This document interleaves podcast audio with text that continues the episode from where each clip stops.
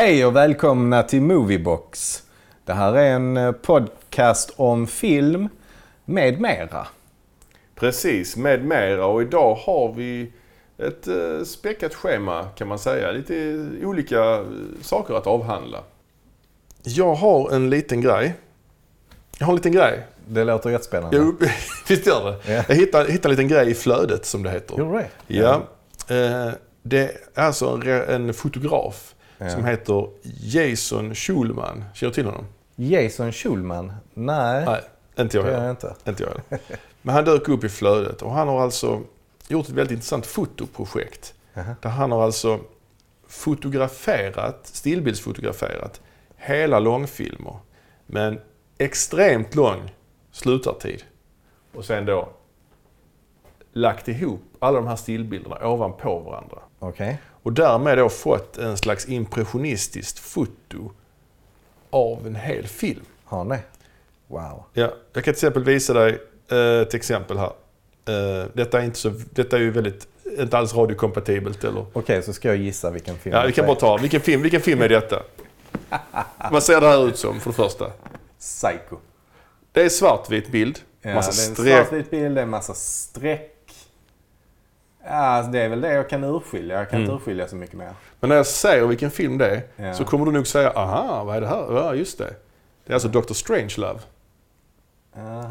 Man ser ju lite av strecken, arkitekturen. När man, Ja. Alltså det är ju hela filmen pressad, all, allting som händer Ja. i filmen i en bild. Alla Ja. rörelser, allting. Ja. En slags suddig mishmash med streck och Ja. fyrkanter. Man kan, man kan urskilja arkitekturen. Dr. Strangelove är ju Kubricks film. Eh, De- här har vi till exempel Rocky Horror Picture Show. Den är lite mer färgglad. Det hade jag aldrig eh, Nej. haft en suck till att gissa. Han säger det att det är ungefär, ungefär 130 000 bildrutor i 90 minuters film. Okej. Och varje bildruta varje film eh, har han då, liksom fot, Mm. då inspelat, eller vad man ska säga, dokumenterat i de här bilderna. Liksom. Ja. Ehm, Det är ju tilltalande bilder rent estetiskt. här har vi jag. eh, Deep Throat från 1972, alltså långt ner i halsen. Långt ner i halsen. det är ju en, det är någon eh, slags erotisk Det är en erotisk eh, film, ja. Och här ser vi att det är ju lite hudfärg. Ja. Den går ju i hudfärg den här. ja. Så Sen det har vi lite blågrönt på sidorna. där. lite blågrönt på sidorna. Ja. Vad, är, vad är det för något då? Nej, jag vet inte. Jag har här har vi ju... filmen. Vilken film är detta då? Ja, det där är ju Avatar. Nej. Indiana Jones. Men om du tittar längst ner i bild så kanske du ser vilken film det är. Du ser några hustak. Faktiskt väldigt tydligt. Ser du det? Ja, det gör jag. Eh, det ser ut som att vara inne i kyrkan, men där nere är det hustak. Det- Nej, jag- Detta är en film som jag visar väldigt ofta faktiskt. Men det? detta är alltså eh, Resan till månen av eh, Georges Méliès. Ja, okej. ja. Just Det den sekvensen visar jag för mina elever typ varje Ja, år. Så jag, men det, det, det ser man ju. Det är en svår film att gissa sig till. Och han säger också, eh, Schulman, eller fotografen, att man skulle kunna ta alla de här bildrutorna och blanda ihop dem som en eh, kortlek. Mm. Eh, och det spelar ingen roll vilken ordning eh, de ligger i. Det har ändå blivit den här bilden, hävdar han. Det vet jag inte hur man kan eh, så. Mhm. Har vi Taxi Drive har han gjort bland annat. Han säger också att varje, de här foton han har gjort är liksom var, den genetiska koden för en film. Alltså filmens visuella DNA. Mm. Dumbo, spe, Tarkovskys Spegeln. Här har vi är intressant för här ser man ju rut, bildrut, eller fönsterrutorna till bilen. Den här skåpbilen de sitter i rätt länge i början. Mm. Ja. Ja, ja men det är väl eh, intressant eh, att man, man kan göra så här. Det är det visuella DNAt, men vad, han, vad man inte får här, det är ju ljudet naturligtvis. ja. Och jag menar en film eh, är ju, många säger att en film är ju 50% ljud. Mm. Så man borde gjort, det är ju också att ta allt ljud i en film och spela upp det samtidigt. Mm. Varenda replik, varenda ljudeffekt, lägga det ovanpå varandra bara. Bah! På en sekund. Ja. Ma! Det är ingenting jag kommer att göra nu i klippningen här. Men eh, Nej, att nej. spela det samtidigt, loopa det samtidigt till en sån här bild hade ju varit väldigt intressant. Ja, det, är, alltså det är lite förenklat att, att säga så också.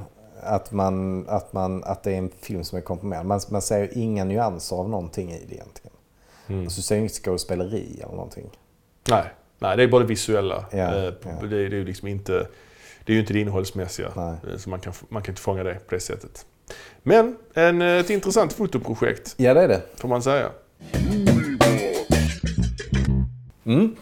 Eh, en sak som har hänt ganska nyligen är ju att eh, Rutger Hauer, eh, den kände skådespelaren från eh, Nederländerna, har ju tyvärr avlidit.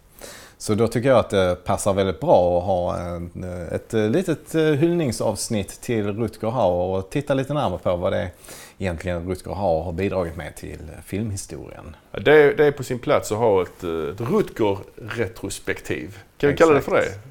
Det kan vi göra. Ehm, ja, var ska man börja då när man sammanfattar en karriär som Rutger Hauers? Tycker du? Ja, vad ska vi säga om honom? Vi kan ju börja från början helt enkelt. Han föddes 1944 eh, i Nederländerna. Just. Och eh, han kom från en eh, skådespelarfamilj så han eh, växte väl in i yrket kan man säga. Eh, så att han redan som ung hade han lite tv och teaterroller och sådär.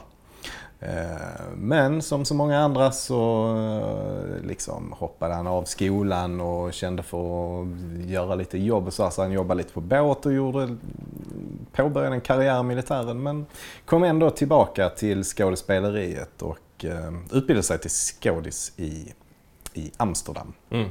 Och sen så kan man väl säga att det stora då genombrottet i Nederländerna då, det var att när han var 25 så fick han huvudrollen i en holländsk tv-serie som heter Floris. Har Mhm. du sett den? Är inte Flodder?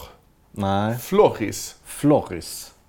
Nej, det känner jag inte till. Vad är flodder då? Det är någon sån komediserie med olika, någon tokig familj. Jaha, Eller någon som film, det finns flera filmer om dem. jaha, okej.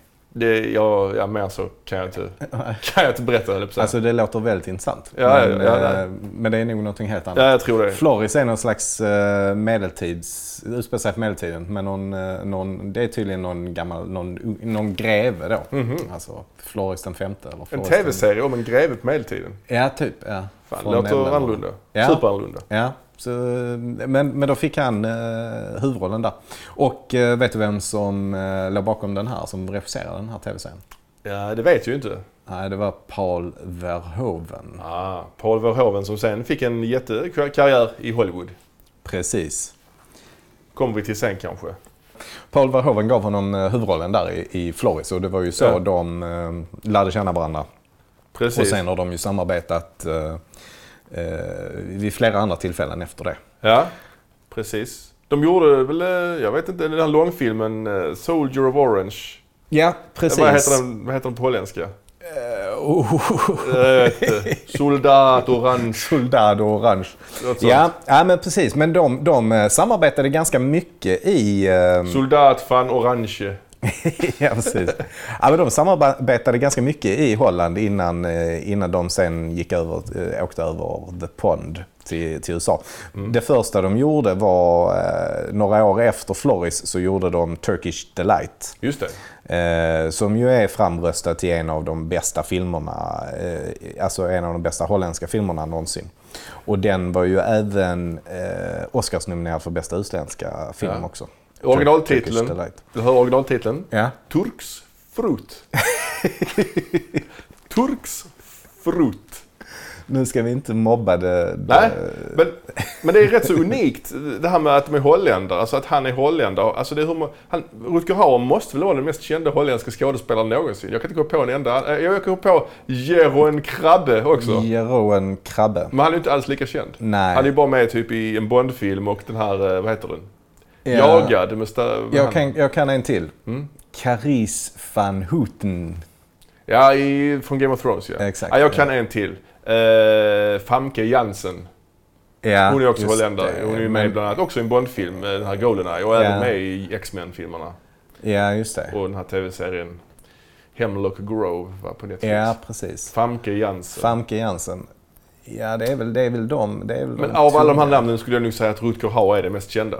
Jag kan säga att jag kan många fler fotbollsspelare från Holland. Ja, där har de en annan... eh, eh, Marco van Basten. Ja, ex- exempelvis ja. Rud Gullit. Ruud van Nistelrooy. Det finns det. många, det finns många fotbollsspelare. Ja. Men ho- holländska skådespelare är det inte lika gott om. Det finns ju till exempel, känns ju som att det finns mer svenskar i, i Hollywood nu än vad det gör holländare. Och då Ja. ändå, ja, Det, holländarna har lyckats också naturligtvis, nämnt. Men kan det Helt, helt, helt ovetenskapligt eh, så är jag ändå eh, beredd på att skriva under på att det finns fler svenskar i Hollywood än eh, holländare. Ja, det tror jag. Det tror jag också. Men holländare, ant- anledningen till att de här holländarna har lyckats, precis som svenskarna, det är väl att vi har en god tradition i båda de här länderna att lära oss eh, prata bra engelska. Både ja och nej. Alltså jag tror att det är en viktig, eh, en viktig faktor för svenskarna. Men jag tror att ett problem för både holländare och tyskar är att de har ju väldigt svårt med uttalet. De har ju svårare än vad svenskar har med ut, uttalet. Det kan kanske stämma. Eh, de, de kan till exempel inte säga TH, alltså the-ljudet. Utan det blir ju det istället. This, that. Ja, Alltså, Spännande. och de, det är väl någonting med R kanske som de inte heller... This or that. eh, istället för att säga this or that så säger de this or that. Aha, ja, Alltså så. ja. ja det, det, blir en ganska så markant eh, brytning. Liksom, Ja. Som kanske gör att de inte har så lätt för roller. Liksom. kan, kan vara det. Det kan vara det. Om de nu vill maskera det lite. Liksom. Vi vill, eh, kan poängtera att det är en hel- helikopter som cirkulerar här ute. Jag vet Mm. inte vad det är. Det är alltid något som händer när vi spelar in här. Vi, vi, har, Ja. vi har gäster med oss här. Ja, precis. Ma- Malmö, Malmös finest. Exakt. Men, Malmö eh, ja, Police Force. De gjorde Turksfrut. Ja, Turkish ja, precis. Delight. Och, och det intressanta där är ju att eh, det är ju Paul Verhoeven då som regisserar igen och Mm. han har även sällskap på fotoavdelningen av Jan de Bont. Just det, som också gjorde Hollywood.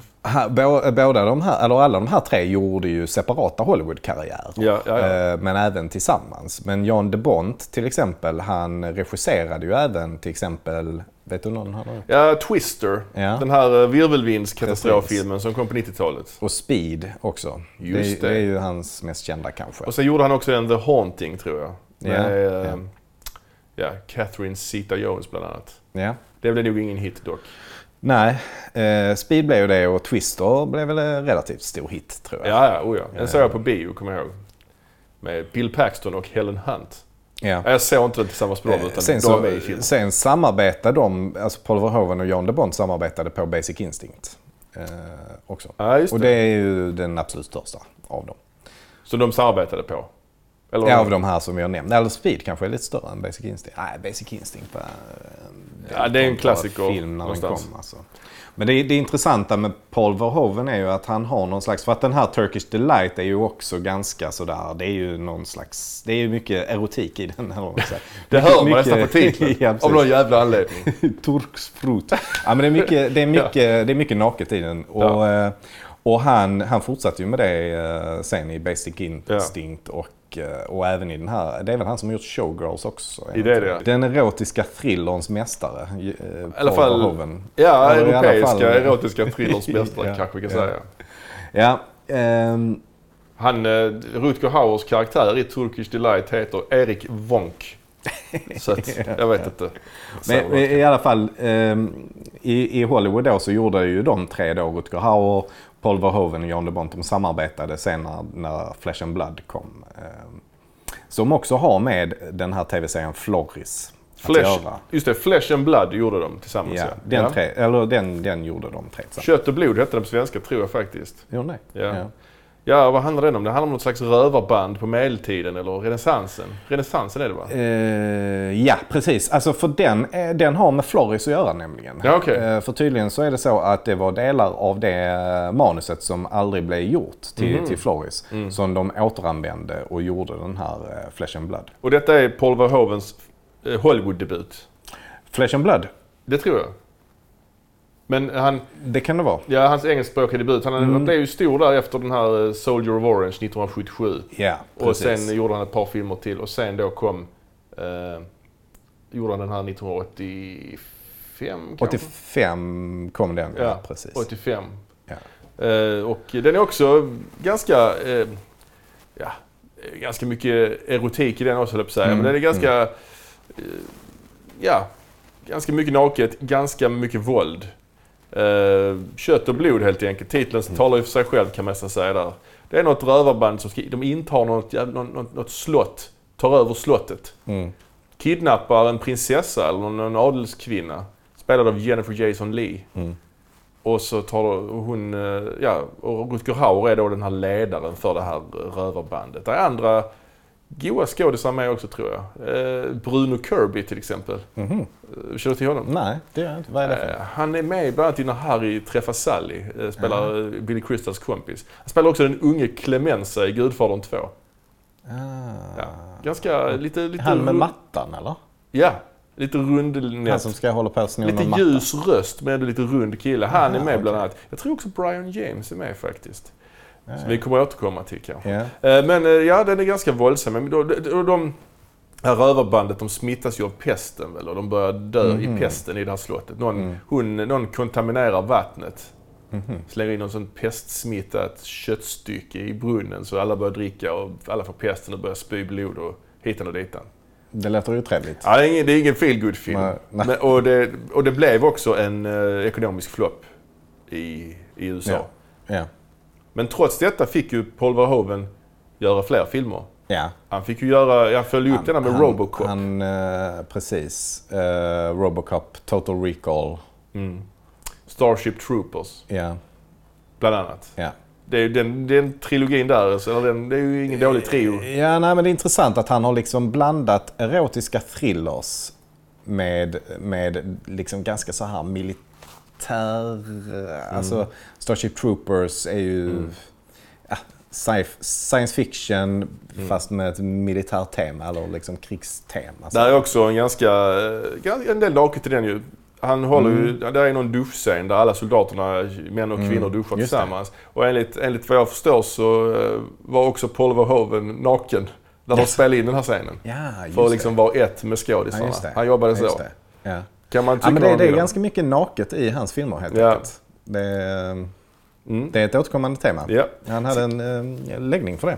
Ska vi gå tillbaka till Rutger då? Ja, vi går tillbaka till Rutger. Detta var ett sidospår med Paul Ja. Verhoeven, men han är ju intressant för de, deras karriärer hänger ihop en del ju. Ja, det, det, det, har den gjort. det har de gjort. Eh, Men Turkish Delight i alla fall eh, blev väldigt, väldigt framgångsrik och framröstad till en av de bästa holländska filmerna någonsin. Och Mm. det blev som sagt en, eh, en Oscarsnominering också. Så att han eh, fick ju lite mer ögon på sig. Och sen så följde de då upp denna några år senare eh, med Soldier of Orange. Eh, också Verhoeven. Eh, och eh, ja, den handlar ju om en grupp, om en grupp eh, vänner från Holland. Och så är det under andra världskriget och så är det då vissa då som väljer att eh, liksom vara i motståndsrörelsen och andra väljer då att vara på tyskarnas eh, sida. Liksom. Eh, även den här blev väldigt framgångsrik och hyllad och vann en i Golden Globe. Nej, den blev nog bara nominerad förresten. Ja, okej. Så den öppnade lite dörrar kan man säga.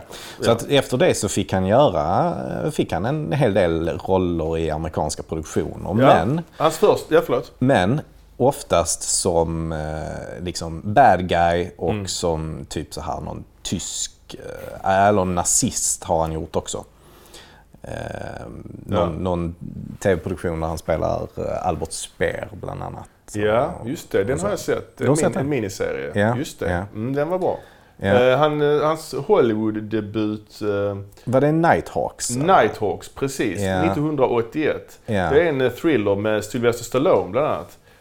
Och eh, där spelar han, Där spelar han en tysk terrorist. ja, som har namnet Heimar Wolfgar Reinhardt. Ja, Typecasting. ja precis. Anyone? Ja, precis. Ja, men där, där, så då, då liksom fick han den typen av roller efter det. Eh, tydligen så var ju det en, viktig film för Stallone att göra den eh, Nighthawks. Mm. För att han hade ju gjort eh, Rocky och fått oerhörd framgång med Rocky. Eh, sen tror jag det gick lite knaggligt för Stallone. Ja, han hade det. Just det, precis. Han satsade lite på olika. för Han gjorde en som heter Paradise Alley. Han gjorde en som heter Fist. Fist, ja Spelade en slags precis. fackpamp. Ja. Folk vill ju se honom liksom som Rocky. Eller, sen gjorde han ju First Mm. Och, de, Blood. Ja. och de var svåra. Men när kom First Blood? Kom den Den kom efter? 83. Så Ja, så den kom precis efter Nighthawks. Nighthawks var väl kanske en eh, lite grann tillbakagång mot liksom mer action. Ja. Eh, Precis. Och den kom 81. Men så 1982 så gör ju Rutger Hauer ja, sin mest, mest kända, sin mest kända film. Eh, ja, precis. Och, och det var ju ganska intressant hur det, hur det ledde fram till det. För att eh, han, han, han kände att han började hamna i ett fack med de här eh, liksom, tyska rollerna, antingen som Ja. nazister eller terrorister. Och, Ja. och då hade han faktiskt blivit erbjuden en roll i Das Boot. Ja, okej. Det är ju inte så långt ifrån Nej. vad han brukar göra så att säga. Nej, exakt. Nej, Men han valde att tacka nej till den. nej. Du kan säga Eh. Das Boot, uh, Wolfgang Petersens uh, krigsepos. Ja, precis. Mycket bra film. Ja. Ja. Eh, Men han valde ju då att tacka nej till den för att han kände att skulle han göra det så eh, liksom riskerade han att hamna i ett fack. Just det. Och eh, en annan sak som han jobbade med för att eh, liksom inte hamna i det facket var att han gick till en sån här dialektcoach. Ah. Eh, och då eh, bestämde han sig för att han ville prata engelska med amerikansk brytning istället för brittisk. Jaha. Det är ju ganska många som, eh, som ändå lär sig den brittiska. Till exempel Alicia Vikander. Hon Ja, ja, ja. kanske kan köra båda men, men det är ganska vanligt att hon, Mm. att hon har den här brittiska ja för, eh, dialekten. jag har alltid, alltid reagerat på att jag tycker att Rutger Hauer alltid har haft väldigt, ett väldigt bra uttal. Liksom. Mm. Ja, ja, men absolut. Men samtidigt så hör man att det är Det finns något, ja. lite annorlunda. ja. Alltså, det är inte helt klockrent. Nej, nej, nej. nej. Eh, men, men i alla fall. Eh, anledningen till att han valde det här med den amerikanska var att eh, han kände att det fann, i, i Storbritannien så finns det ju en stor tradition. Liksom, och det finns jättemånga skådespelare medan den liksom, brittiska filmbranschen är inte jättestor. Så de tävlar ju ganska mycket om de amerikanska rollerna där Mm. man vill ha en eh, skådespelare med en brittisk dialekt. Liksom. Ja, så var det på den, ja. så är det ju jätte, jättes, jättestort eh, konkurrens om dem. Och, Eh. Men nu för tiden är det ju nästan bara britter i alla filmer. Ja, Fast med amerikanska brytningar. Ja, precis. Det är intressant. Det kan ju... Men han kände att det, fann, det, fanns, det var smartare liksom att eh, ja, förs- försöka slå sig in i den amerikanska marknaden med en eh, amerikansk brytning.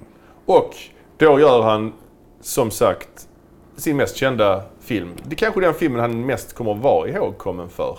Nämligen Blade Runner eh, från 1982 av Ridley Scott. Så är det. Och, det. och det var då samtidigt som han var och träffade produktionsteamet för Das Boat. Som han eh, fick ett eh, telefonsamtal från eh, Ridley Scott som Mm. ville träffa honom.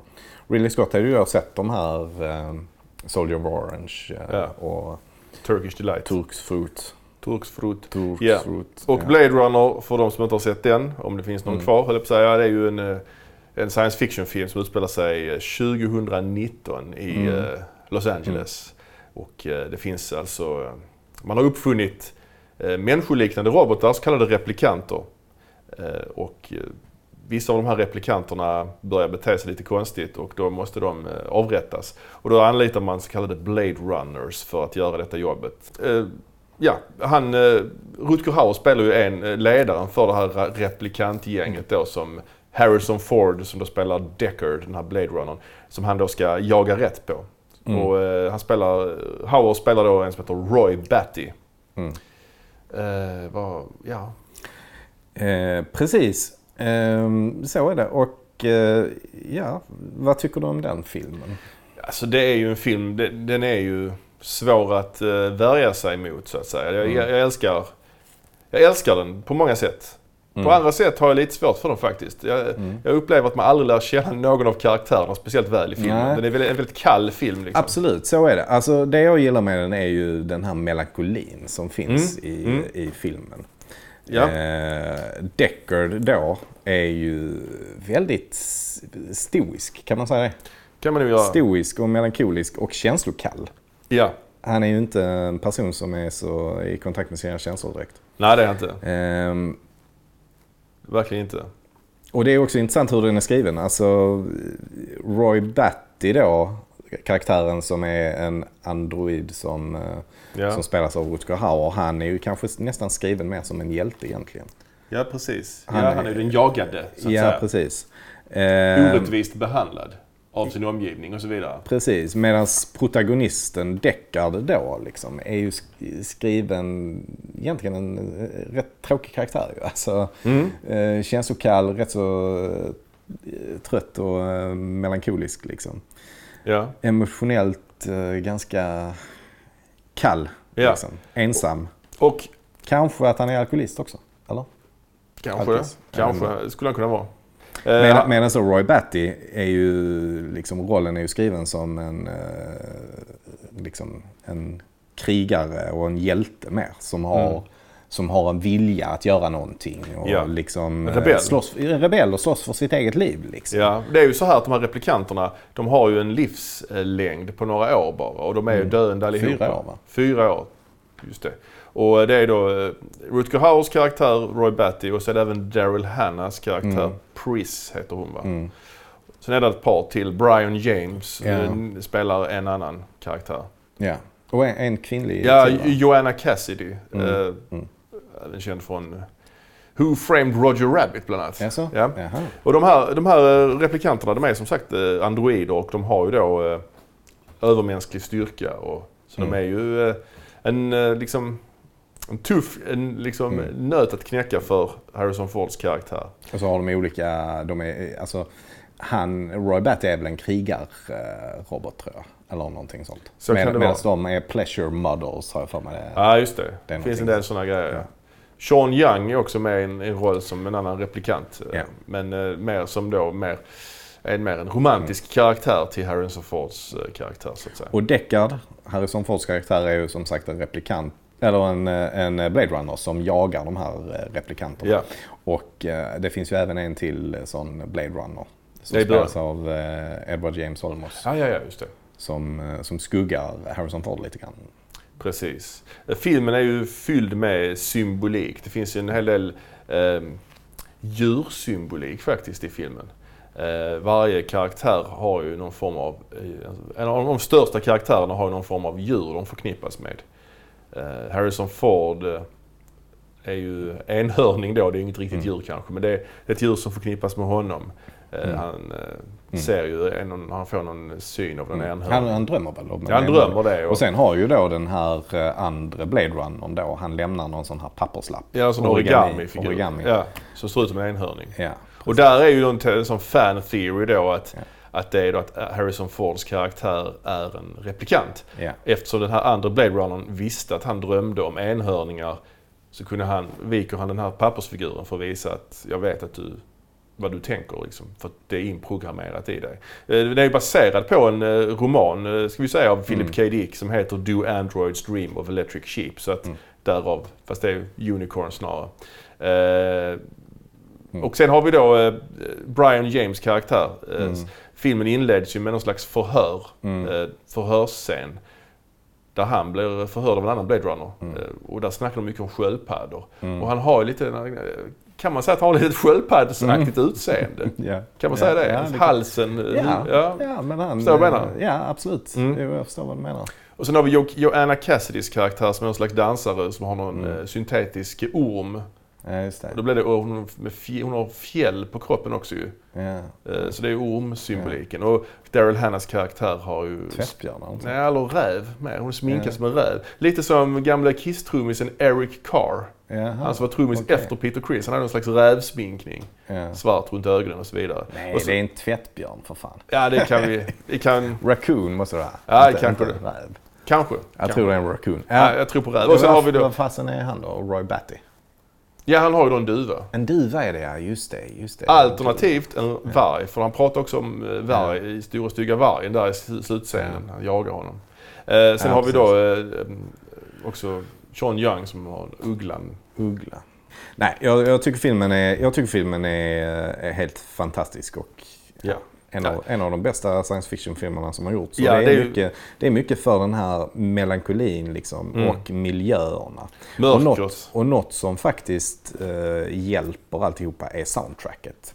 Jag Ja. tycker soundtracket är Ja. riktigt passande. Elektronisk musik komponerad av den grekiske Vangelis. Vangelis. Ja. Som också gjorde musiken till den här eh, Chariots of Fire som Mm. också är väldigt känd. Men, Och sen är det ganska realistiskt också. Det är lite så man tänker sig att det skulle, vår, vårt samhälle skulle kunna utvecklas i den riktningen. Alltså Ja. det här att alla, alla olika kulturer bara smälter samman. Liksom. Mm. Och man, pratar, man pratar engelska, asiat, något asiatiskt språk, vet inte om det är japanska eller kinesiska. Mm. Ja, det är väldigt mycket asiatisk eh, prägel på det här Los Ja, Angeles i ja. framtiden. Ja, men även lite spanska väl? Ja, det kanske också. Skulle jag tro. Alltså, alltså Ja. att alla de här kulturerna bara smälts ihop och blir liksom en, en enda... Det är väl lite så postmodern eh, Mm. teori kring det. Men, eh, men, men sen är väl problemet att det är, ska vara 40 år i framtiden. Och det, Ja, och det är flygande bilar och sånt. Där är vi ju inte riktigt. Nej. Men, men eh, det är ju intressant också här i Blade Runner-filmen och slutscenen av filmen, slutuppgörelsen. När Roy Batty då, Rutger Hauer, har liksom misshandlat eh, Deckard och Mm. har övertaget. Men det är ju precis då när hans livslängd ska Mm. gå ut, när han ska dö. Och då håller han ju den här klassiska Mm. Monologen, en av de mest klassiska monologer. Han sitter uppe på ett hustak i regnet, nästan helt naken. Va? Han har typ Mm. bara byxor på sig Mm. och håller den här duvan. Och, och Harrison Ford ligger framför honom helt utslagen, nedslagen, eh, hjälplös. Och då håller han den här monologen som är ju väldigt, eh, väldigt Mm. stark. Eh, Ska vi se vad vi, vad vi har? Va? Hur går det nu? Kan vi den? Eh, I have seen things uh, you wouldn't comprehend. I've seen On the shoulder of Orion. Någonting sånt. Ja. Jag vet inte. I've seen things you... Nu läser jag innantill. Ja. I've seen things you people wouldn't believe. Attack ships on the fire, on fire of the shoulder of Orion. I watched sea beams glitter in the dark near the Tannhauser gate. All those moments will be lost in time, like tears in rain. Time to die. Och sen så slocknar han så att säga och duvan flyger iväg. Han släpper duvan för han, han dör ju. Det är ju väldigt vackert. Mm. Eh, Men det är också eh, Det är poetiskt. poetiskt så in i helvete. En poetisk eh, robot. ja. Det är Men ganska, ganska fint. det är också tycker lite kusligt Ja. att han avlider. Rutger Hauer avlider 2019, samma år som Blade Runner utspelar sig. Och hans karaktär då också avlider. Det är ju också poetiskt. Ja. på något sätt och kusligt Mm. faktiskt. Like tears in the rain. Mm. Ska vi, eh, ska vi gå vidare ja, det gör till vi. någon annan eh, film? Ja, det gör vi. Va, vad gör han då efter, eh, efter 82? Ja, han är ju med lite grann i Sam Peckinpahs The Osterman Weekend. Ja, just det. Och det är ändå en hög, hög status. Mm. Eller ja, Mm. Sam Peckinpah var väl lite på dekis då. Han var på dekis då. Eh, Vi kan ju säga att han var en rebellisk regissör som... slog igenom på 60-talet. Ja, han var inte helnykterist. Nej, Det kan man inte säga. man kan nog hävda motsatsen. Ja, han var Nej, men han, han började väl sin karriär inom TV och sen så eh, gick han över och började göra eh, film. Brukade han bära vapen när han regisserade och så också? Det känns rimligt. Ja. ja, Ja, men han pistolhotade väl sina skådespelare Ja. om de inte gjorde som, han, eh, som han sa och så vidare. precis. Eh, Men, men eh, han är väl känd mest för, alltså, så- ganska mycket western har han gjort. Ja. Och det Wild Bunch till exempel. Wild Bunch. Och ja, banbrytande actionscener. Mm, det var han som började filma våld i slow motion. Mm. Eller började, men han var en av dem som gjorde det populärt i alla fall. Ja. Ja, men han gjorde i alla fall Osterman Weekend. Mm. Sen, vad har vi mer? Då kan vi väl säga att nästa stora film han, eh, Rutger Hauer gör är Lady Hawk. Mm. Eh, som kom eh, 1985. Ja. Och eh, Lady Hawk då, den, eh, den, eh, den utspelar sig på, eh, under medeltiden. Eh, någonstans i Europa. Mm. Eh, och handlingen då den kretsar kring Etienne Navarre. Eh, Mm. Som då är en före detta, vad ska man säga, någon slags vaktchef hos biskopen. Mm. Eh, där, de, där de är. Så den handlar om Navarre och hans älskade Isabeau. Eh, som spelas av Michelle Pfeiffer. Mm. Ehm, men då har det varit något slags kärleksgnabb och detta händer då innan filmen börjar. Eh, mellan den här trion, alltså biskopen och Navarre och Isabeau. Förmodligen eh, är det så att biskopen är lite förtjust i Isabeau eh, medan Isabeau och Navarre vill gifta sig. Men då blir biskopen eh, alldeles rasande över detta så han kastar en, en eh, vad heter det? en spell. Alltså Förbannelse. En förbannelse över Ja. dem. Vilket då innebär att eh, under dagtid så förvandlas Isabeau till en hök. Och under eh, nattetid så blir, åter, återfår hon mänsklig form. Men eh, Navarre under Rutger. Rutger Hauer då. Under dagtid så har han mänsklig form men under nattetid så förvandlas han till en varg. Eh, Så det här innebär ju då... Lite, li- förlåt, det är lite likt Blade Runner där med vargsymboliken också. Som, ja, Ja, precis. Ja, ja. precis. Det är det. Eh, Så att det- här, det här innebär ju då att de, Is- Isabeau och Navarre, de eh, följer ju varandra och reser varandra men de träffas ju aldrig någonsin i eh, mänsklig form. Mm. Vilket ju är väldigt så romantiskt får man ju, får Ja, man, ja. Får man ju säga. Och, det, och det, det, det skildras fint i filmen tycker jag. Att det, det, är, det är någon scen där precis när det slår över till gryning. Där de nästan, nästan eh, träffas. Under en split sekund så kan man liksom förnimma att de träffas men de gör ju aldrig det. Liksom. Eh, så att Eh, Den här filmen går ju då, går ju då ut på att eh, de vill försöka bryta den här eh, förbannelsen som biskopen har lagt över dem. Eh, Och till sin hjälp så har de då en Philip, heter han, eh, som spelas av Matthew Broderick. Just det. Som är någon slags yrkestjuv eller någonting, skulle, skulle jag tro. Han, han rymmer från, från biskopen och Navarre räddar honom. Och sen så tvingar då Navarre honom att eh, hjälpa eh, hjälpa Navarre att eh, liksom, döda biskopen och liksom, så att eh, den här eh, förtrollningen bryts. Eh, och det har väl lite grann med eh, också att han, vill, att han vill göra det har väl lite att göra med att han också är lite förtjust i Isabeau som ju, som ju spelas av Michelle Pfeiffer. Vad, vad säger du om Rutgers insats i den här filmen då? Ja, alltså hans insats är ju... Jag tycker filmen som, som helhet, alltså den, eh, den, den, den gjorde ett väldigt starkt intryck på mig när jag såg den. Jag var, jag var ju ung när jag såg den. Ja, ja, ja. Eh, 85 kom den, så då, då var man ju inte så gammal. Nej, nej, nej. Ehm, och det är en sån film som verkligen har, har eh, fäst sig i- minnet och, och stannat kvar och gjort ett väldigt starkt eh, intryck.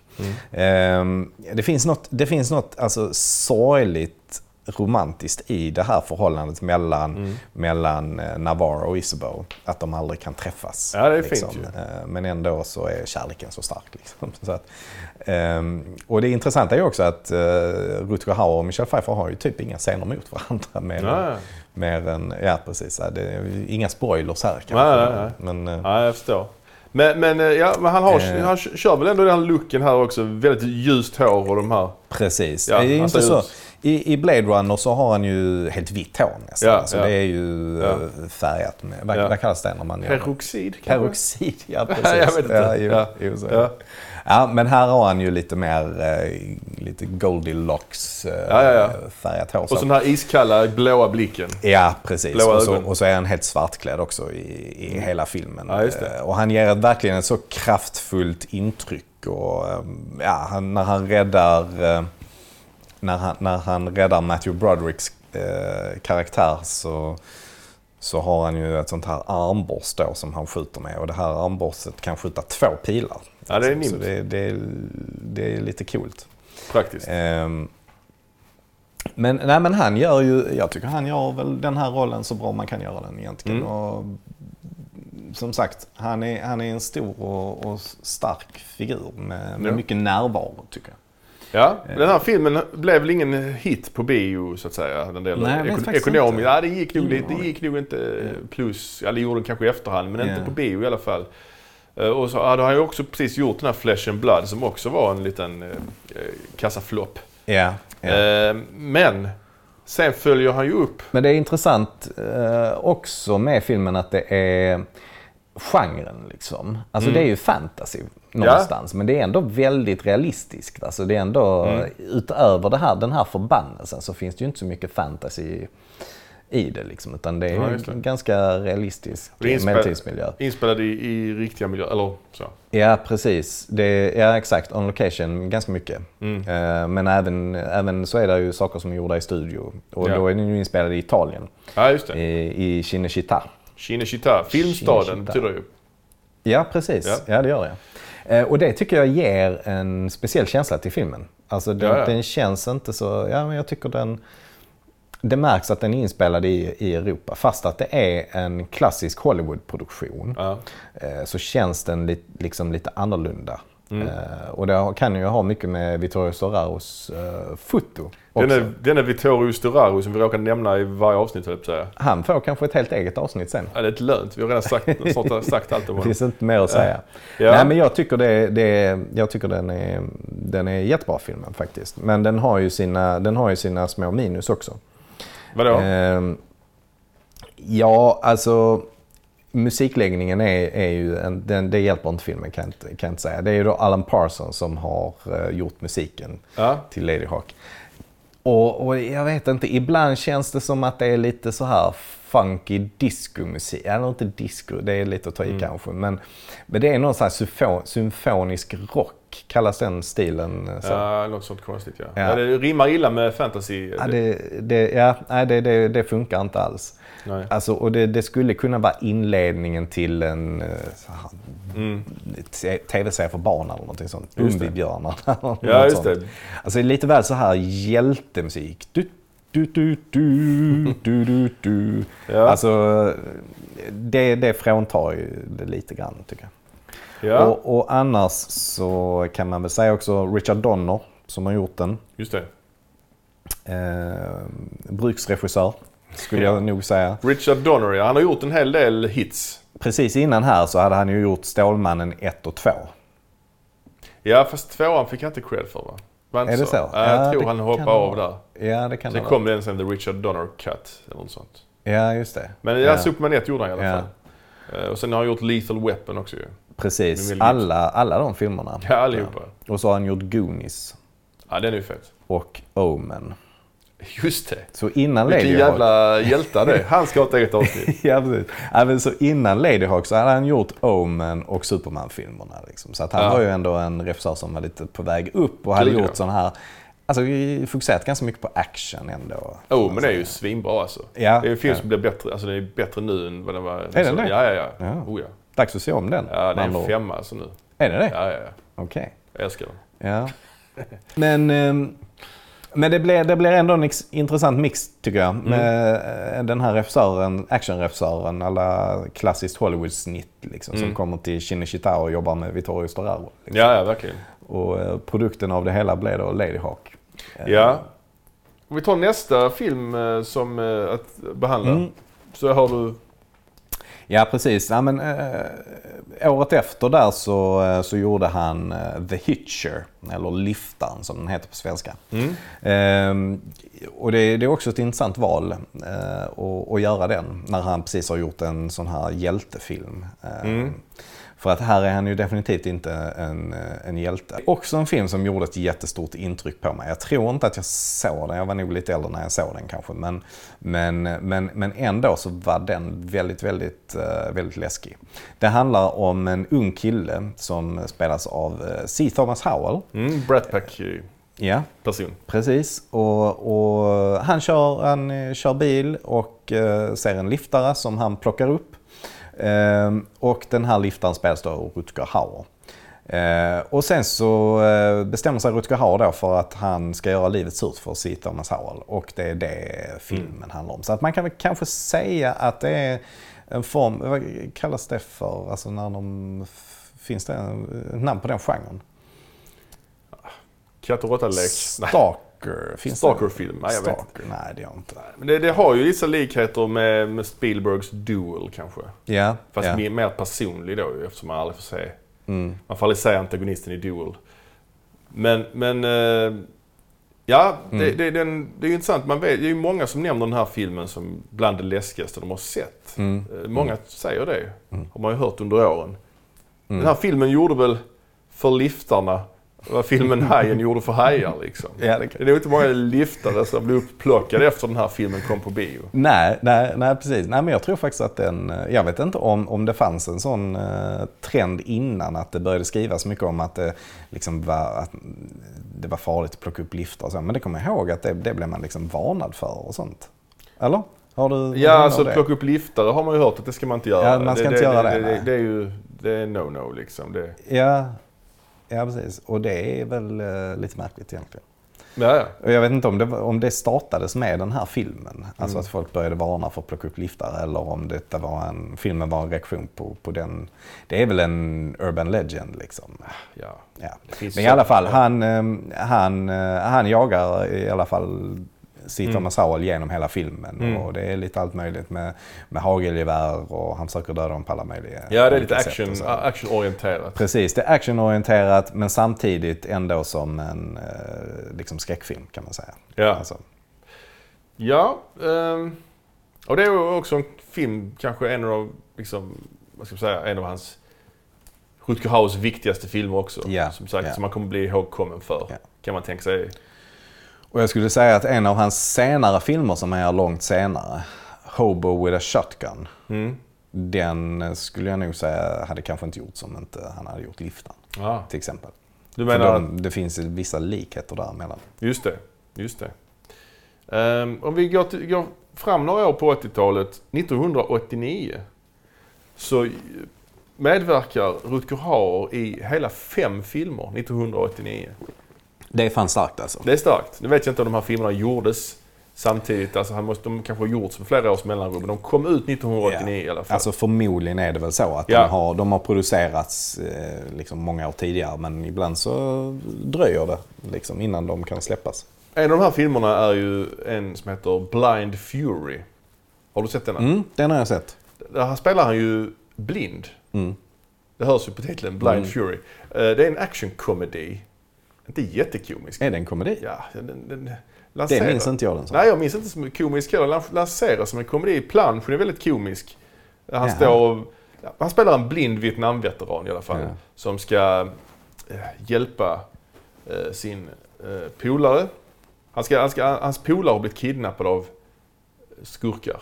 Och eh, han ska hjälpa och den här, att frita Mm. honom. Och han har med Mm. sig den här killens son också. Det är en slags form av vänskapsband med honom. Mm. Han är blind, som sagt. Han har blivit blind i Vietnam. Mm. Och han är lite grym på att använda samurajsvärd. Mm. Så han har i sin käpp så har han ett svärd. Ja, det är mest det jag minns av Ja. egentligen. Att han har en sån stav liksom. Ja. Eh, Han slåss väl med den som en stav också? eller? Ja, och sen kan han liksom dela den så det blir ett Ja. svärd och hugga Ja. upp händer på folk och hit och Ja. dit. Det, den är ju... Och I slutet av filmen han möter en annan, en japan med samurajsvärd som inte är blind. Ja, Och ändå precis. håller rätt så jämna steg med honom. Det är inte... Ja, ja, precis. Det är inte baserat på en verklig händelse tror Nej, jag. nej.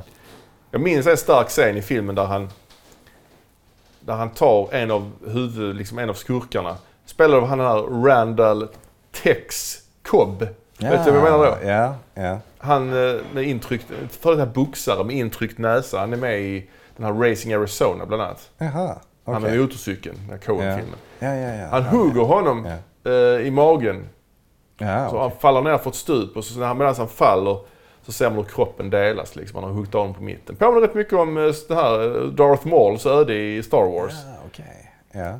Eh, ja, det, Ja men det påminner lite om Darth Maul. Hans, någon, någon annan som jag, jag vet inte varför, men jag bara kommer att tänka på, alltså i Daredevil. Mm. Eh, om vi tar den här Netflix-serien Daredevil. Mm. Så eh, har ju Daredevil någon slags mentor ju.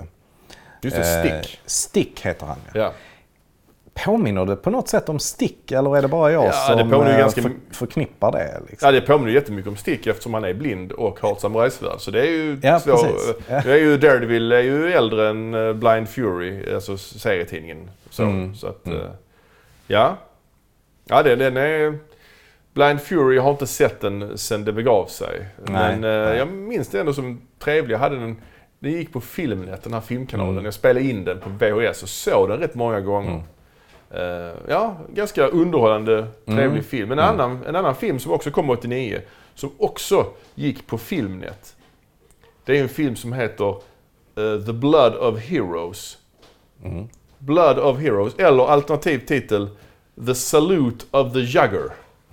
Yes. Ja, Av, det, av, av joggaren. A Jugger. Jug- Jugger. Jugger, vad fan är det? Det är, eh, jo det ska jag berätta. Det är ju en konstig titel ju. Ja. det- Alltså Blood of Heroes är ju en mer eh, rimlig titel. Ja, en slagkraftig ja, titel. Det utspelar sig, det är en australiensisk amerikansk postapokalyptisk film. Utspelar Ah. sig i ett här, typiskt postapokalyptiskt landskap. Typ som, Som Mad Max. ja, öken och grejer. Och eh, den är hyfsat stjärnspäckad skulle jag säga. Mm. Eh, ja, det, ja, det är ett par kända namn med den. Mm. Det är Rutger Hauer naturligtvis i huvudrollen. Men så är det också Joan Chen. Mhm. Minns du henne? Från Ja, absolut. Twin, Peaks. Ja, precis. Josie i Twin Peaks. Ja. Och Vincent D'Onofrio. Ah. Som också är med i Mm. Daredevil TV-serien Just som du nämnde precis. Ehm, och den utspelar sig i framtiden. Där man, Men Mm. han kanske inte var en stjärna då, 89? Eller? Men han hade, gjort, han hade gjort Full Metal Jacket i alla fall. Ja. Så att han var ändå kanske på allas läppar. Nej, det. Men han, var, han, var, han var någon. Mm. I alla fall någonstans. Eh, och det utspelar sig en framtid. Och, i, i en fram, det utspelar sig framtiden. Och de... Uh, Rutger Hauer leder ett gäng som eh, går, rör sig genom det här landskapet. Då, Mm. Och de utövar en slags sport. Mhm. En lagsport. Och eh, det, den sporten kallas bara för the game. Ja, Okej. Eh, så att, eh, och de har liksom olika, olika eh, funktioner i det här laget. Mm. Det går ut på att man en i, en, i varje, en i varje lag slåss om en, en hund, ett hundkranium. Mhm. Det går ut på att få det här hundkraniet till andra sidan planen och spetsa det på en, eh, på, Mm. på en påle liksom. Okej. Så är det en i varje lag som har en kedja som den får slå med och någon annan i varje lag som har någon stav. Sån här Ja. stav med liksom eh, kula i varje Mm. ända. Sån här, Mm. som man håller med två händer. Som i gladiatorerna typ. Mm. Mm. Eh, och eh, ja, de eh, åker runt och slåss liksom i, i olika, i olika matcher. Liksom. Väldigt Ja. våldsam, våldsam, våldsam sport. De, de har i alla fall en, de kommer till någon stad i slutet Mm. där de ska gå någon stor match. Liksom. Ah, ja. En stad som är under jorden. Mhm. Eh, och jag minns också att de har medhjälpare med sig som hjälper dem med sina, som en materialare. Ja, ja. Eh, och han eh, har med sig, på ryggen bär han en hel jävla garderob. Genom öknen eller skåp eller sånt. Så i trä, en garderob. Ja, ja. Som en ryggsäck. Jag tyckte det var Som en starkt. caddy. Som en caddy. Det var ganska starkt visuellt. Ja. Liksom. Ja. Eh, den här filmen är skriven faktiskt av eh, en som heter David Peoples. Som Ja. också skrev både Ladyhawk och Blade Runner var han med och skrev också. Ah, Han har även skrivit filmer som 12 Monkeys och eh, The Unforgiven. ah, okej. eh, som då Clint Eastwood gjorde. Och han har alltså regisserat också filmen. Så det är hans, han har regisserat den här filmen. Okej. Jag tror... Är det hans enda regibidrag? Eh, Eller? Ja, det är den enda film han har regisserat vad jag, vad jag förstår. Ja, ja. Den här filmen har också faktiskt gett upphov till den här, den här sporten. Eh, har också börjat utövas på riktigt. Kanske under mindre våldsamma former. Men då Ja. kallas den för jugger just. Jaså? Mm. Men det är en film Va? som... Är det sant?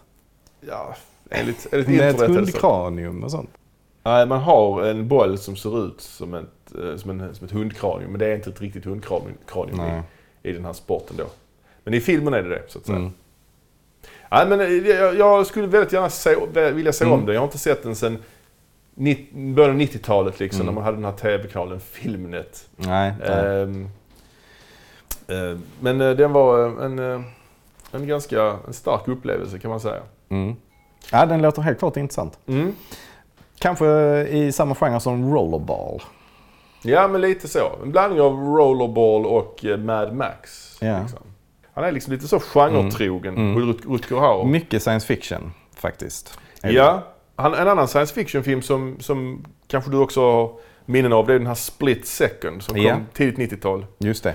Som utspelar sig i ett regnigt London Mm. I framtiden då. Mm. 2008 eller till den stilen utspelar han sig. Och det, är det regnar som fan. Jag tror de gör en grej av att det är liksom översvämning hela tiden. Mm, jag tror de gör en grej det. av polarisarna och det kanske. Ja. Och han eh, jagar någon eh, seriemördare. Mm. Minns den som ganska bra också. Jag minns den också som ganska bra. Det är i alla fall en film som ha, hade haft potential att bli, bli bra. Liksom. Ja, jag minns den som helt okej. En annan film som kom i den vevan, Mm. det var ju filmen Wedlock. Wedlock, ja just det. Där han, eh, också med Joan Chen faktiskt, Mm. och Rutger Hauer. Eh, där de spelar, eh, you know, det går ut på att de är i någon slags fängelse där de har eh, kragar runt halsen. Ja. Och de rör sig över en viss gräns så sprängs de, för det är en sprängladdning i den här kragen. Ja, just det. Och så ska de försöka fly från det här fängelset. Då. Och eh, det jag minns mest från den här filmen, det är faktiskt inte själva filmen. Utan vet du vad det är? Nej. Det är när man var i videoaffären på den här Ja. tiden och skulle hyra film. Då hade de en sån här cardboard cutout Ja. av eh, typ filmplanschen Ja, med Rutger Hauers ansikte och den här eh, kragen, det här halsbandet. Och då var det halsbandet liksom, stack det ut ur planschen liksom, Ah, som okej. plast. Ja. Som var gjort för den här. Ja, ja, Jag minns typ ingenting av filmen. Nej. Men, men det minns jag. Louis Teague har gjort den. Ja, det var han som även gjorde Navy Seals tror jag för mig. Ja, precis. Ingen, eh, inget stort namn. Han har även gjort Cujo, Jaha. den här Stephen King-filmatiseringen. Mm. En annan, eh, vad ska vi ta, ja, ska vi gå, röra oss lite mot hans senare karriär kanske? Ja, precis. Han det, han, gjort- det han även gjorde där som man kan nämna är ju då eh, den här Dead or Alive. Wanted Dead or Alive. Ja, den kom lite tidigare i och för sig. Den kom ju 87, kom ju den. Ja. Det här är ju en fortsättning på eh, den här tv-serien som Steve McQueen gjorde. Mhm. Eh, så att han, alltså, så där, det är ju en westernserie har jag för mig. Jaha. med Steve McQueen. Som heter Wanted Dead or Alive. Men det var också en sån eh, Filmnet-film. Liksom, Ja, som, ja, eh, och, ja. och det var ju ett eh, coolt omslag. Han liksom står med en, eh, ett hagelgevär. Just det, över bakom- axeln sådär, ja, i bak- en trenchcoat, I en trenchcoat, Ja, aha, jag är trenchcoat-kompatibel. Ja. Rutger Hauer. Ja, Han har och- trenchcoat i Split Second också och i li- liftaren också. Ja, ja, precis. Och även... eh, Blind Fury. Han är hagelgevärskompatibel också. Ja, ja, ja. Men det är kanske, trenchcoaten är kanske det plagget vi förknippar honom med mest. Ja, det skulle kunna vara. Eh, senare, jo, han gjorde ju, sen har han inte gjort så mycket filmer som fått uppmärksamhet. Han har inte gjort så många huvudroller i, i större filmer. Han gör en mindre roll i eh, Sin City från Mm. 2005. Väldigt liten roll bara. Och sen Precis. gör han ju också, en, från samma år så gör han ju en liten roll i Christopher Nolans Batman Begins. Ja. Den är väl inte så liten, kanske. Nej men jag tänker så att Rutger Hauer ska vara med i en Batman-film så Ja, ja. tänker man inte att han ska spela den här rollen. Han spelar ju en slags businessman som tar över eh, det här Wayne Enterprises när Wayne, eh, alltså Bruce Wayne är försvunnen. Mm. Så han spelar ju liksom ingen superskurk eller något sånt utan han spelar ju en ganska liksom normal figur. Ja, precis. Men han är väl ond, va? Eller? Ja, han blir ju avskedad sen när, när Bruce Wayne eh, liksom har ställt allting till rätta och så ju. Ja, precis. Men, men här har jag en lite intressant spaning. Ja. när det gäller Christopher Nolan. Att han har, Christopher Nolan, han har någon slags form av, använder sig av någon slags form av Tarantino-casting. Mm. Där han eh, i sina filmer har med, jag vill inte säga föredettingar kanske, Nej. men folk som har, har varit eh, lite så kultskådisar Mm. som har haft lite Mm. större karriär tidigare. Jo, men absolut. Han ger ofta dem en liten roll i, Mm. i, i sina filmer. Vi har då Rutger Hauer i, Mm. i Batman Begins. Matthew Modine är väl med också? Bat- Matthew, Matthew Modine är med, tredje är med i den tredje Batman-filmen. Eric Roberts är med i den andra Batman-filmen. Just det. Och Ja. i, eh, i Inception så är det ju Tom Berenger som gör en liten roll. Just det. Ska, ska vi summera? Ja, det gör vi. Hur kommer vi minnas honom? Ja, ja eh, alltså de flesta kommer ju säkert att minna honom som Roy Batty Ja. i, i Ja. Blade Runner. Och det är ju det är mycket den rollen, som, eller den karaktären också, som gör Blade Runner till vad det är. Också, Ja, på många sätt. tycker jag. Och den karaktären har också definierat kanske Rutger Hauer lite grann som den här eh, lite stenansikte, Mm. den här liksom genomträngande blicken. Mm. Ehm, Stor och mm. kraftfull och allvarlig men samtidigt poetisk. Ja. Jag kan tycka det är synd att han inte, alltså att han inte fick göra fler stora roller. Ja. Det tycker jag är väldigt synd, för jag tycker ändå han är bra. Mm. Jag, tycker han är, jag tycker han är bra och han, är, han har ett eh, uttryck, eh, han har en jävla närvaro som jag tycker Mm. att det är synd att inte fler nyttjade den helt enkelt. Ehm, ja, jag håller med. Det, det är Absolut. tragiskt. Det, det, det, är synd. Ja, det är en förlust eh, och eh, ja, han kommer ju som sagt att leva vidare tack vare sina, sina filmer. Ska vi prata om vad vi har sett i veckan? Ja, det gör vi. Ja, Har du sett något bra? ja jag var på bio Ja. och såg en eh, liten smal lågbudgetfilm. Nej, jag gjorde inte det. Utan jag såg faktiskt eh, den nya Marvel-filmen Spider-Man. Far From Home. Ja. Och eh, ja, det är ju svårt att prata om nu i dessa dagar just med spoilers och sånt. Så man kan ju inte Mm. avslöja för mycket. Men jag tyckte det var väldigt, väldigt underhållande film. Mm. Den är rolig. De har verkligen gått riktigt loss på komedispåret i de här Spider-Man-filmerna. Mm. Han är väldigt komisk, han som spelar Spider-Man, Tom Holland. Jag tycker de har lyckats bra med, med eller han har lyckats bra i den här eh, Mm. rollen. Men jag tyckte å andra sidan att eh, han Garfield som spelar Spiderman i förra Mm. satsningen också gjorde det rätt så bra. Ja, ja, ja, ja, absolut. Det var en helt annan typ av karaktär men eh, Ja, det var det. Ja, men här är, han är ju mycket yngre här i de här filmerna. Ja. Och i den här filmen så ska han ju på skolresa i Europa. Mm. Så det är, det är lite kul att det är en Marvel-film som utspelar sig till stor del, eller nästan Mm. en, enbart i Europa. De är i Mm. många länder. eh, Italien, Frankrike, eh, eh, Tyskland, Tjeckien, och ja, ja. England, och ja. Holland. Ja. Mm. Så det är, det kul. Jake Gyllenhaal är med. Mm. Spelar Mysterio. Ja. Uh, gör väldigt bra roll. Det är kul att se Mm. honom i en, en, en sån här roll. Han spelar ju Mm. alltid ganska goody two shoe liksom. ja, gör han det? Inte alltid kanske. Men, Nej, inte alltid eh, kanske. Nej, det gör han ju faktiskt inte alls. Darko. tänker jag Ja, nej, Nightcrawler är han också lite, lite skruvad i. Nej, lite spooky skruvad i den, ja precis. Ja. Men uh, ja, jag, finns inte, jag vet inte, man kan, jag kan inte säga så mycket om den här filmen. Alltså. Det är, Nej, går inte att säga någonting utan nej. att spoila. Liksom. Nej, alltså det är, jag vet inte, Spiderman, det känns som att det var ganska dumt. Alltså för mig är ju, det är ju inte så himla länge sedan Sam Raimis Spiderman-filmer kom, tycker jag. Nej, och efter det kom ju de här eh, Andrew Och Garfield. dessutom så kom de så Mm. tätt inpå. Ja. Så jag vet inte, Spiderman det, det är inte så intressant. Alltså varför börjar man om igen? Det, det är rätt störigt tycker jag. Ja, men det är intressant alltså hur, hur, eh, hur, vad ska man säga, hur tröskeln har sänkts för det här med Mm. att starta om, att reboota någonting. Alltså, Mm. Det behöver inte alls gå lika många år som förr. Mm. Alltså att göra en remake eller en reboot på en film nu, det kan ju, räcker ju ibland med två år, ibland ju Mm. nästan. Eller i alla fall fem. Förr var det ju helt otänkbart. Ja. Varför ska vi göra en ny version? Det kom ju en bara för några år sedan. Det, det kan man ju säga den istället ju. Ja. Men nu, nu kan man göra det när som helst för nu är det så mycket andra, andra aspekter man ska ta in i det här med, alltså det här med att det ska tillhöra ett filmuniversum och att man ska göra en annan aspekt av det Mm. på något sätt. Och berätta samma historia igen en gång till fast lite annorlunda. Ja, alltså det är, det är irriterande liksom. För man har ändå investerat Mm. lite i att se de här Spiderman med Garfield. Alltså heter han Andrew Garfield? Ja. Ja. Också brittisk ju, ja. precis som Tom ja. Holland. Ja. Mm. Det, är- det är märkligt. Och sen också att man... Eh, Alltså liksom, när Tobey Maguire blev, blev kastad första gången då Mm. i Sam Raimi så tyckte jag han var klockren som, som Spiderman. Jag har alltid haft svårt för honom. Ja det har jag också men jag Ja. tyckte ändå att ja, men han kändes verkligen som Peter Parker. Alltså, Ja, kanske det. Ja, alltså lite töntig på något sätt. ja, ja. Han var ju då lite äldre när de filmerna, Mm. liksom, alltså karaktären var redan...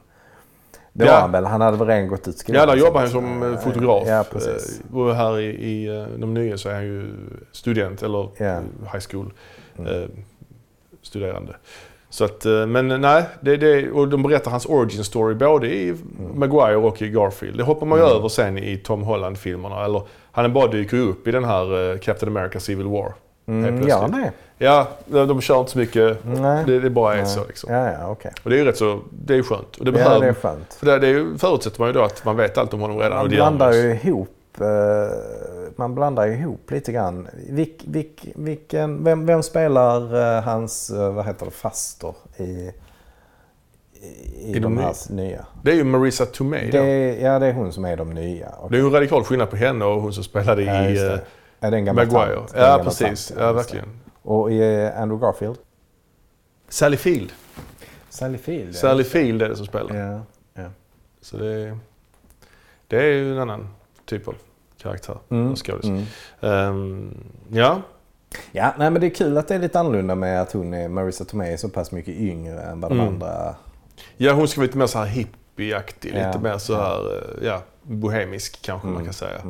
Mm. Det är lite kul. Hon är inte lika uppstyrd som de andra. Men de, de, de, de, de gör det rätt. Det är väldigt roligt. Den har ju också liksom vissa likheter med, med 80-talskomedier. Att de är i olika länder i Europa. Lite päron till farsan nästan. Mm. Alltså han får uppdrag av Nick Fury han ska göra liksom, när han är i Mm. Europa. Så han, liksom, han tar ju över deras, Ja, ja. deras skolresa kan man säga.